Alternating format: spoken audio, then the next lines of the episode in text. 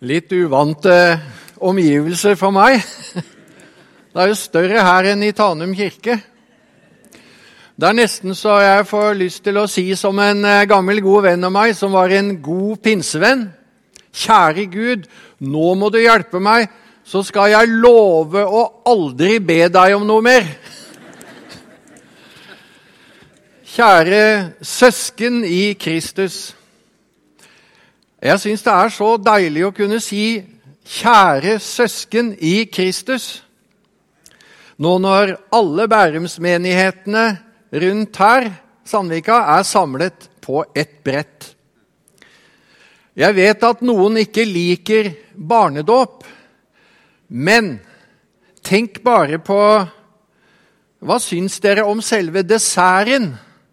Det at presten løfter opp barnet og sier Ta imot lille Petter, Guds barn, vår bror i Kristus. Det, jeg må si det rykker liksom litt i armene nå når jeg, jeg får lyst til å løfte opp både pinsepastor Aune og offiser Killy fra Frelsesarmeen og si Hei, ta imot vår søster og bror i Jesus Kristus. Og så kan de sprelle med beina av glede. Det er gøy. Det er en konkret påminnelse om at vi er ett i Kristus. Det er Jesus som forener oss. Det er ikke lenger likhetstrekk i klær og frisyre som eh, forener oss. Sånt nå skifter jo fra generasjon til generasjon. Og hvem, Sånn er det jo også i menighetene og i pinsebevegelsen. Hvem har ikke hatt en from mor eller mormor som hadde håret samlet i en nydelig pinserull her bak i nakken? Og nå er jo håret til alle kanter. Det er bra. Det er heller ikke vår personlige utsmykning som eh, forener oss. Den skifter jo fra i går til i dag. Hvem husker ikke fru pinsepredikant eh, Bratterud da TV-reporteren spurte om det egentlig var lov for en kristen å gå med øreringer? Og da svarte hun jeg er sikker på at Jesus hadde likt dem. Og kjære venner, det er noe som forener oss uansett det ytre. Det er Jesus.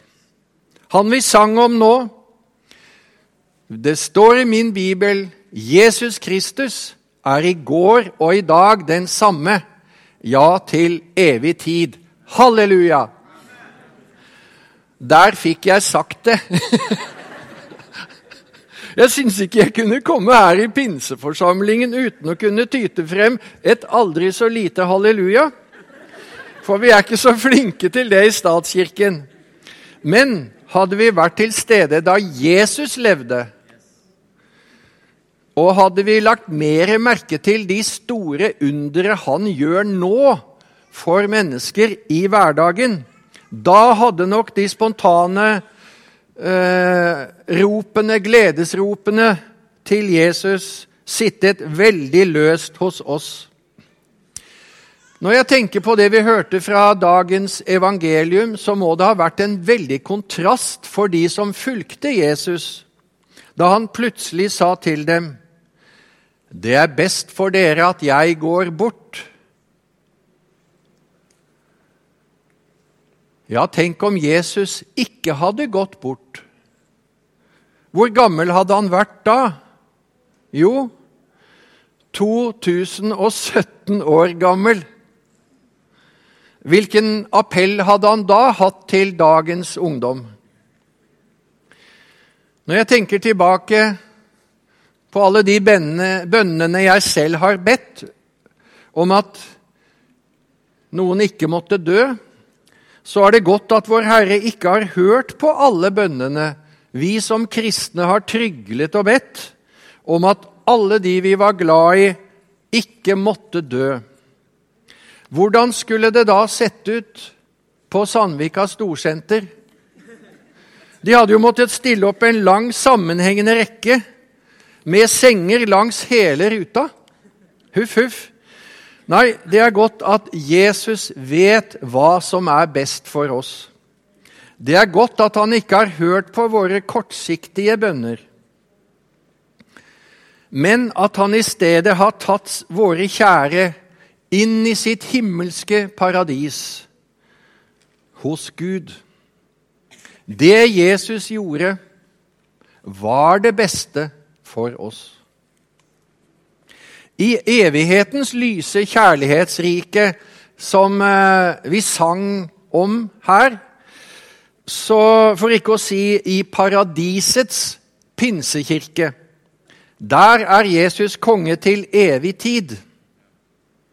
Der kan Jesus beundres av 17-åringer og 70-åringer og gi dem en trygghet de aldri finner på nettet.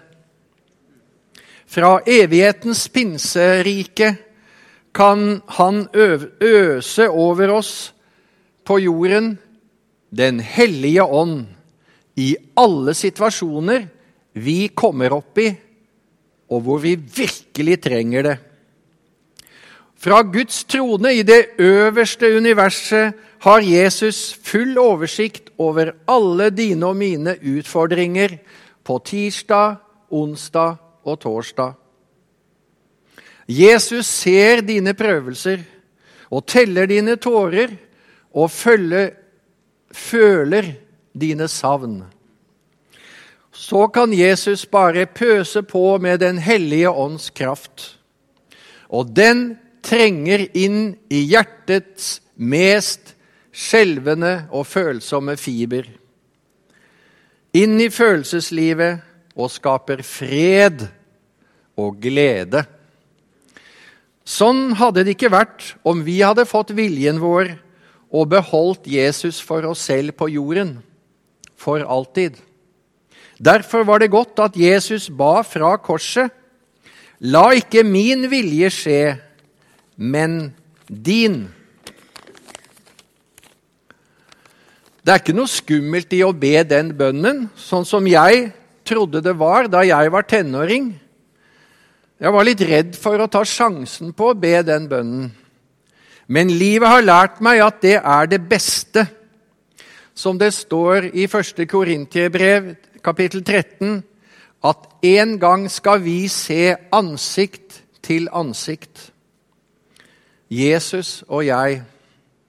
Da skal jeg forstå alle de hvorfor jeg har plaget ham med i alle år. Da skal det gå opp for meg at det han gjorde, gjorde han fordi han kjenner meg fullt ut.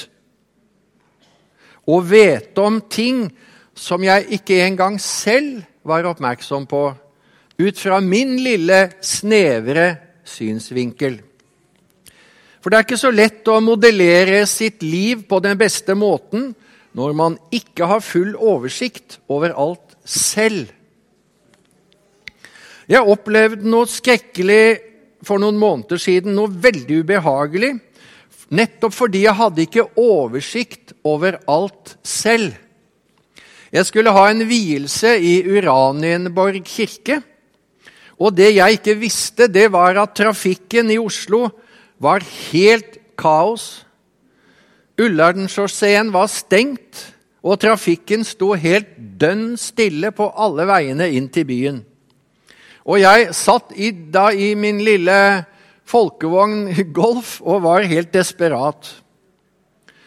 Og nå tror du kanskje at siden jeg da ba til Gud, så tauet Den hellige ånd bort alle Mercedesene og BMW-ene og Teslaene, slik at min lille folkevogn fikk kjøre fritt frem gjennom trafikkens kaos i Det røde hav.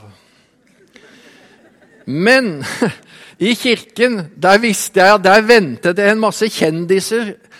Det var de som hadde laget filmen om kongens nei. Så jeg tenkte å nei, å nei. Neste prosjekt det blir vel biskopens nei. Men da jeg endelig ankom til Uranienborg kirke, hadde Den hellige ånd gjort sin gjerning.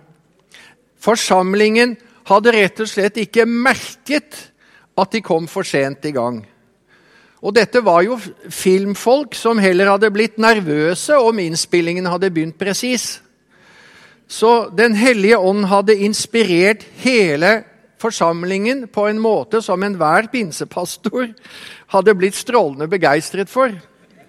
Stemningen var nemlig på topp da jeg kom, og brudeparet kom begeistret brusende inn i kirken. Det jeg ba om, at jeg måtte komme tidsnok, skjedde ikke. Men det skjedde noe med meg. Etter det har jeg lagt spesielt merke til alle de små underne som skjer i min hverdag. Hvordan Den hellige ånd leder og legger til rette de merkeligste detaljer, så alt klaffer. Og det er jo en hel rekke av undere. At alt faller på plass, så logistikken blir helt fantastisk. Sånn som den har vært her i dag. Jeg syns det var en stor opplevelse å være her i Pinsekirken og se hvordan alt ble så fantastisk. Og etter det at jeg har opplevd Den hellige ånds stadige undergjørende virkning og veiledning i detaljene i hverdagen, så er jeg sikker på at Jesus har sett meg, han har sett de andre rundt meg, og så har Den hellige ånd lirket og ledet, så vi møtte hverandre på det rette tidspunkt og fikk ledelse og inspirasjon og kraft. Så min favorittbønn etter den hendelsen er blitt Kjære Gud, takk for logistikken. Den har jeg bedt mange ganger. Nei, det er ikke bare bare å være en sånn alminnelig, kjedelig statskirkeprest. Da jeg for noen år siden var prest for den norske menigheten i Stockholm, ved kronprinsesse Märthas kirke, så hørte jeg en liten historie om to barn som satt i veigrøften en dag og laget store, sånne fine sølekaker. Hva er det ni gjør? fråga det en fin frue. Vi gjør en kyrka, sa barnen. Men kan ni ikke gjøre en prest også? Nei, så mye skit har vi ikke. Men gamlepresten Petter Dass sa jo av intet eller en skrøpelig materie skapte Gud mennesket. Og det vil jo si at Gud bruker det vi ikke får til. Der vi bommet, der vi gjorde feil, der vi syndet. Jesus leter ikke etter bagateller, småsvikt her og der. Nei, han sier rett ut til oss synden er at de ikke tror på meg. Og da skulle han ha nok å ta av.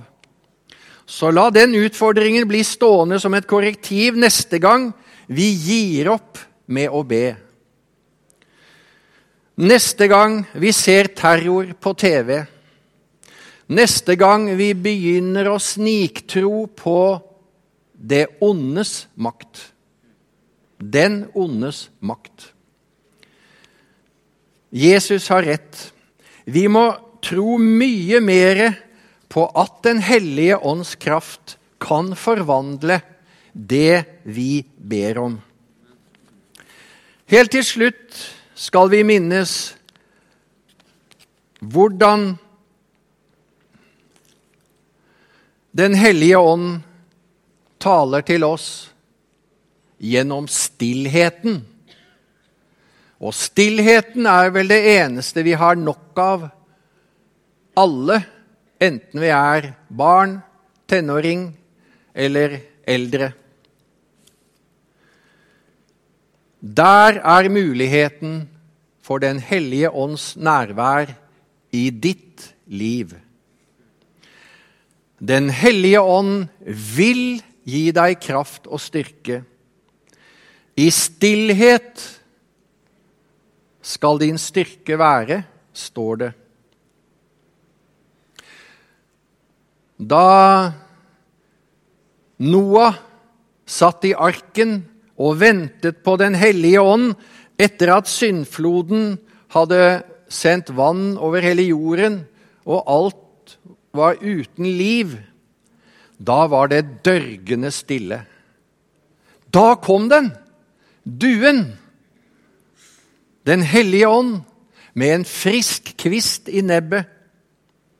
Den varslet nytt liv. Den hadde funnet liv et sted og varslet en ny epoke. Da døperen Johannes sto ved Jordan og ventet på at han skulle døpe Jesus, så var det musestille. Da kom den, flyvende, Den hellige ånd, som en due over Jesus, åpnet en ny vei for oss, inn til himmelen og en ny epoke. Da disiplene tok avskjed med Jesus, ruget stillheten over deres hjelpeløshet. Men Den hellige ånd svevde over avmaktens avgrunn. Da spurte tvileren Thomas på vegne av oss alle. Jesus, hvordan skal vi vite veien du går? Da så, da så Jesus kjærlig på Thomas. Og så svarte han, fylt av Den hellige ånd, Thomas, Thomas, jeg er veien. Amen.